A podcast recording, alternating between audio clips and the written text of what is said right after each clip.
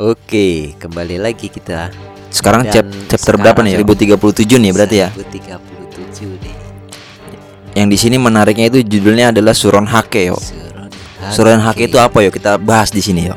Jadi 1037 dibuka ya dengan Kemeriahan nih. kemeriahan ibu kota bunga. Iya, ini belum pada ada tahu nih yo. Sebenarnya belum pada tahu ya. Belum. Ini bahwasanya dia lagi nyawanya terancam banget ini. Onigashima mau jatuh loh.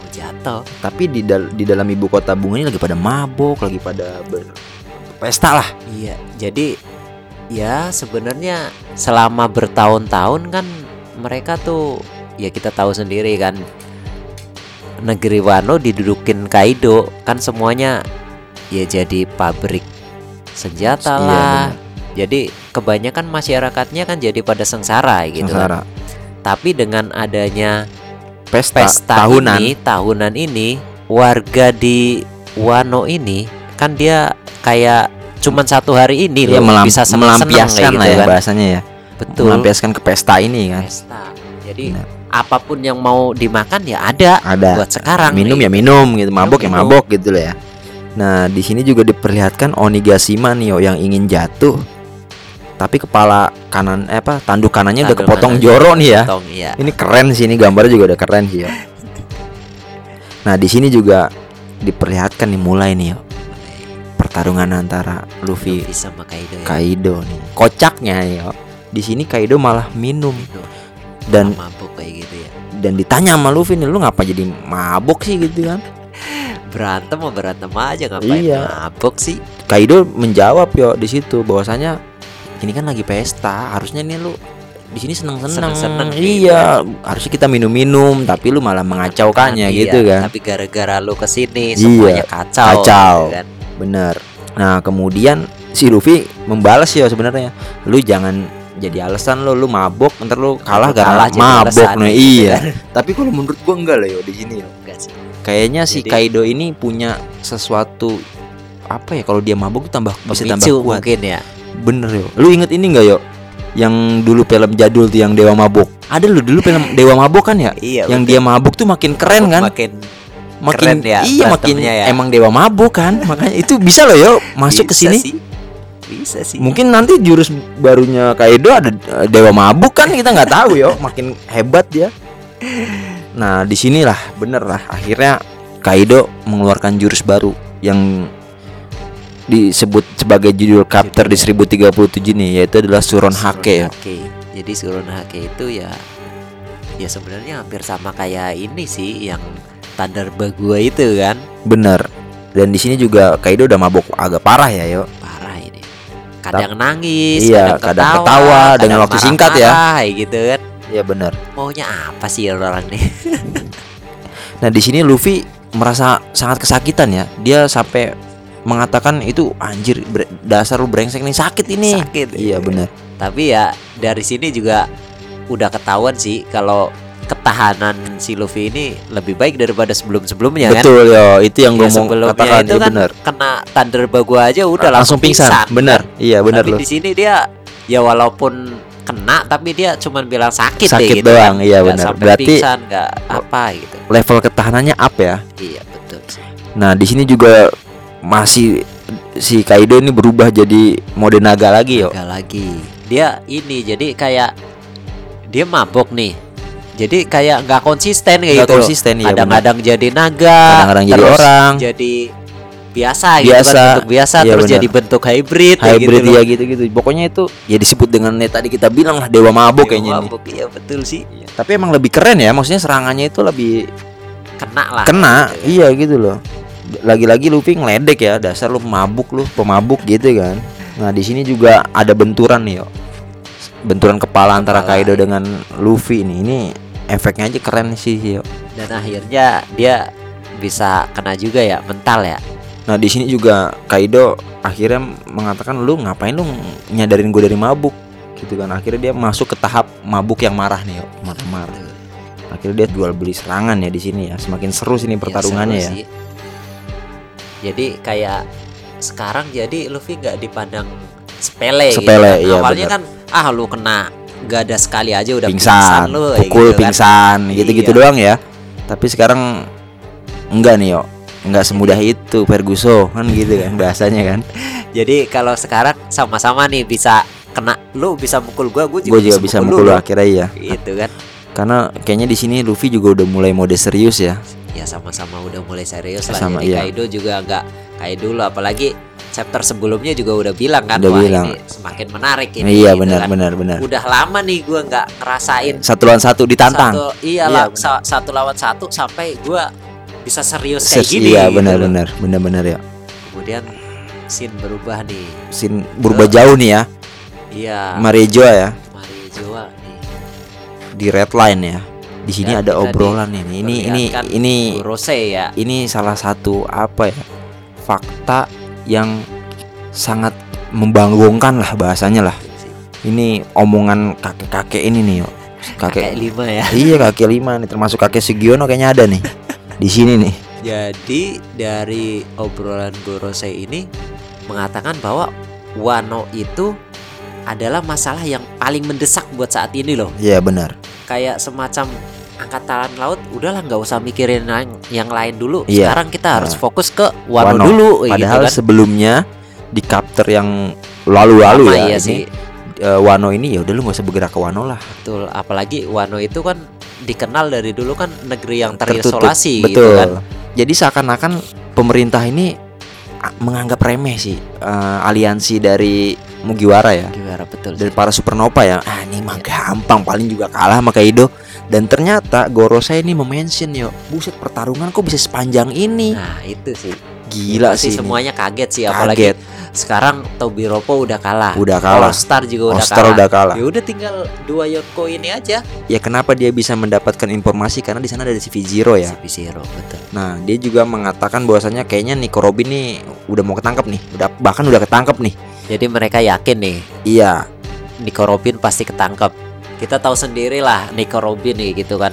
Selama dari kecil usia 8 tahun sudah diincar ya. sudah diincar Benar. tapi kan nggak pernah ketangkep. Benar? Tapi gue yakin sih kalau misalnya Nico Robin sampai ketangkep Bahaya, sama Cyberpol bahaya ya. udah selesai ceritanya. Misalnya kita tahu kan yang satu-satunya yang bisa membaca Poneglyph ya cuma dia sekarang. Bener, Gak Nico ada Robin lagi ya. kan. Iya bener. Makanya Robin ini memang bener sih jadi sosok paling penting Paling buat penting. mengungkap sejarah. Sejarah, bener. Nah, di sini di obrolan kelima kakek-kakek ini dia mengam- ingin mengambil keuntungan nih. Kita ayo kita datang ke Wano, kita habisi Wano Habisin. karena di sana juga ada Kaido dan Big Mom. Kalau misalnya teori ke depan ya, Ah, boleh kita ya. teori ngasal aja Nah, biasa kan. Anabel ya. Anabel. Analisis gembel ya. Analisis gembel. Nah, kalau misalnya angkatan laut nih nyerang gede-gedean ke sono kan, misalnya bawa Buster Call segala macam kan. Hmm. Kalau menurut gue sih mungkin ya, ya kalau di sini kayaknya kalau misalnya gue berpikir sih Kaido, Big Mom bakalan kalah. Tapi kalau misalnya pemerintahan dunia datang ke Wano, gue malah berpikirnya yang menghambat pemerintahan ini malah Kaido sama Big Mom loh. Kayak misalnya mereka udah kalah nih, Hmm. kita udah tau lah kalau misalnya orang-orang yang udah dikalahin sama Luffy pasti mengakuin kan, mengakuin dia Oh iya karena di One Piece ini kayaknya kalau udah kalah ini kayaknya nggak bakal ngelawan lagi sih. Iya. Kasarnya gitu ya. Udah. Iya, berpikirnya sih Ah. begitu dari dulu sih gua. Iya. Jadi kayak lu ngalahin gua, ya udah gua akuin lu, lu hebat kayak gitu kan. Betul. Respect lah. Dari situ makanya nih Kaido sama Big Mom respect. Kalau menurut lu nih, gue nanya nih ya. Nah. Kelima kakek-kakek ini bakal turun tangan gak nih? Kalau untuk sekarang menurut gue sih belum sih. Belum nih. Karena dia dia Mungkin- cuman kayak memainkan catur doang nih. Iya, betul. Jadi dia masih mengamati lah istilahnya gitu kan. Betul. Tapi next pasti bisa turun tangan sih kalau menurut gue mah. Oke, Entah berarti pertarungan apa nanti itu pasti mereka turun tangan. turun tangan ya. Berarti di Wano ini belum nih ya? Kalau menurut lu ya? Kalau menurut gue sih belum. Belum. Oke. Kemudian yang lebih menggegerkan lagi obrolan tentang buah iblis yang katanya legenda. Nah, ini yo. Ini yang menggiring opini kita semua nih ya, para penggemar One Piece ya. Ini gila nih. Iblis Yo. legenda gitu ya. Jadi sebelumnya itu penjaga di Wano ini melihat juga sebuah bayangan ya. Siluet ya. Siluet masih siluet dan ini sudah sepertinya sudah jelas siluet Sudah ini. jelas sih. Yaitu Zou ya. Siluet raksasa. Sa- eh, gajah raksasa Gajah raksasa. yang kita kenal dengan sebutan Zou. Zou.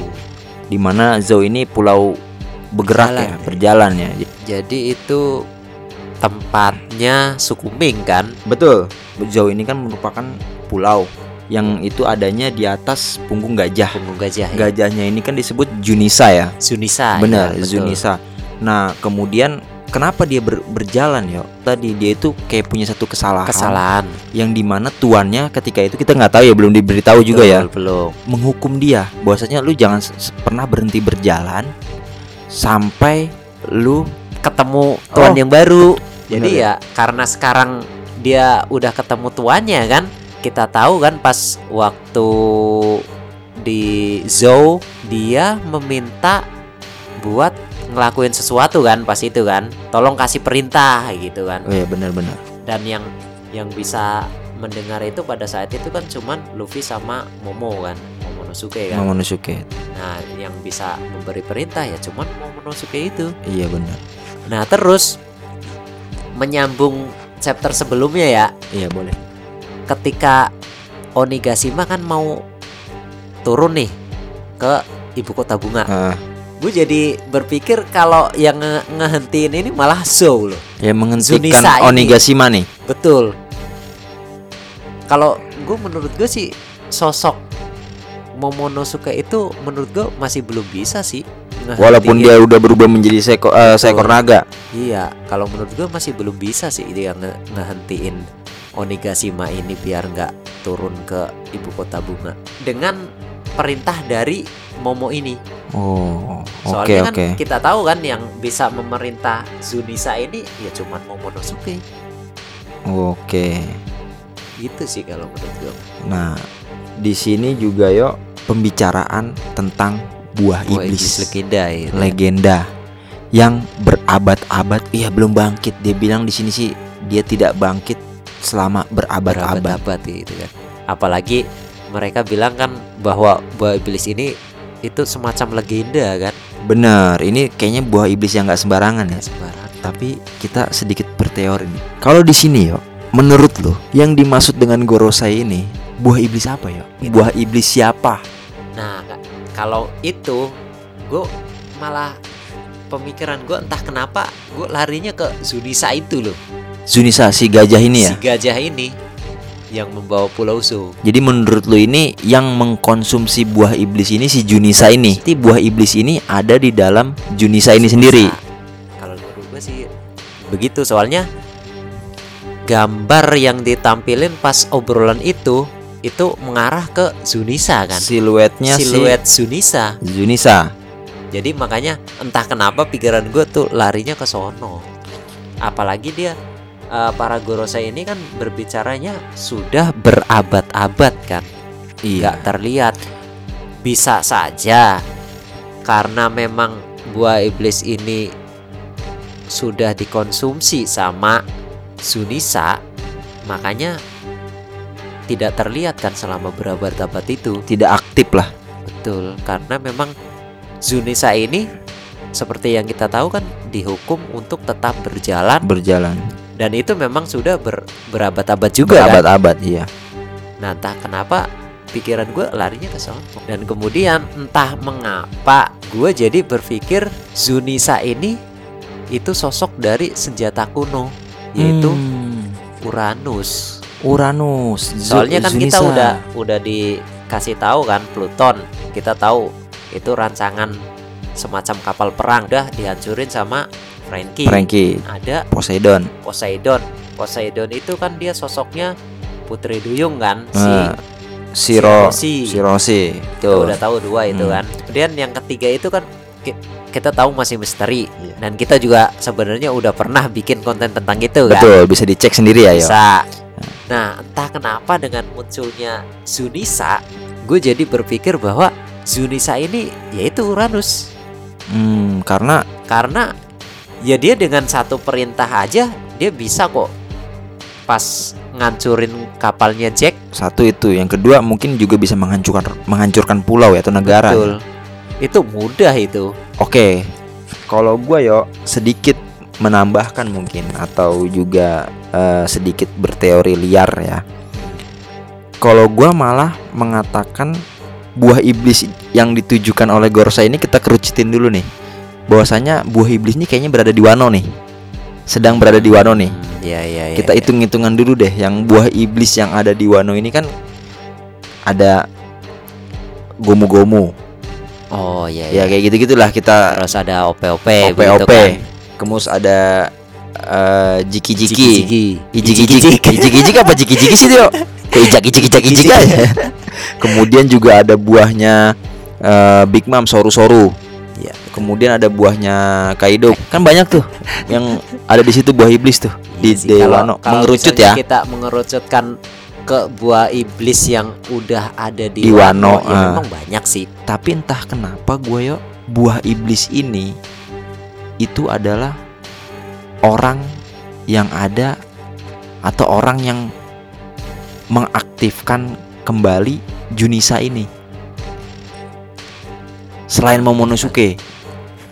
Selain kan kalau misalnya menurut gue ya, Nah, selama ini kan memang kita belum belum tahu nih siapa lagi yang bisa memerintah Ah, dia kan. betul. Tapi selama chapter yang udah ada kayak gitu kan. Ah. Kita tahu lah yang bisa memerintah dia kan hanya sebatas Momonosuke gitu. Atau Sejauh ini ya. ya betul.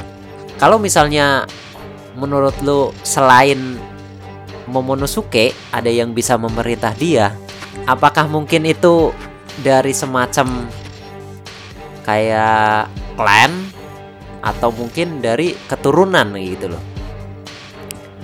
Kalau menurut gua gini ya. Entah kenapa gue punya pemikiran kita ini ya kembali lagi ke adegan di mana Komurasaki hadir di tengah-tengah pertarungan. Betul.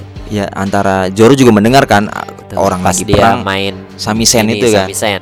Nah di situ dijelaskan oleh si Orochi ya dia mengatakan itu Komurasaki kan. Komurasaki. Terus di situ dia, dia juga memba- membalas bahwasanya oke Tuhan kamu mau lagu apa lagi semacam itulah ya. Dia betul. Tapi entah kenapa gue punya pemikiran yang memanggil Junisa ini itu lagu dari Komurasaki gitu. iya Samisen itu. Samisen itu dan entah kenapa gue juga pernah bilang ke lu ya ini di luar konten ya. Toki Toki Nomi ini masih ada yo. Jadi yang selama ini ditakutkan oleh pemerintahan dunia itu menurut gua buah Toki Toki Nomi kenapa? Karena Toki Toki Nomi ini bisa mengungkap misalnya gue punya gua hidup di seribu tahun yang lalu. Gue Iya. bisa berpindah ke seribu tahun yang depan jadi gue bisa mengungkap rahasia-rahasia kebusukan yang udah ada gitu ya. betul jadi world government di mana dia ada abad yang hilang nih. Dia tahu nih kita kan selama ini tahu Toki Toki Nomi ini hanya bisa berpindah ke depan. Iya, betul. tapi kita belum dijelaskan dengan awak keningnya apa yang akan terjadi bila awak kening dari Toki Toki Nomi ini muncul? Itu satu. Nah yang kedua ini entah kenapa gua mengira Toki Toki Nomi ini bukan memakannya itu Toki lagi tapi gua yang mengira yang memakan Toki Toki Nomi ini Hiyori yo Atau yang kita tahu kalau di Wano itu Komurasaki. gitu ya. Komurasaki. Jadi mungkin gue gue juga mengira atau berharap sih sebenarnya ya Oda akan menjelaskan bahwasanya ketika Momonosuke dan yang lainnya itu dipindahkan ke depan oleh Toki, Kappa itu kan disuruh nyelamatin Hiyori ya. Iya. Kita tidak tahu lagi tuh apa yang kan apa yang terjadi dengan Toki pada saat itu. Tapi kan pas waktu itu kan Toki itu keluar pakai kuda kan pas itu kan. Iya, dan Kan dia juga dia ditembak. Iya. kan?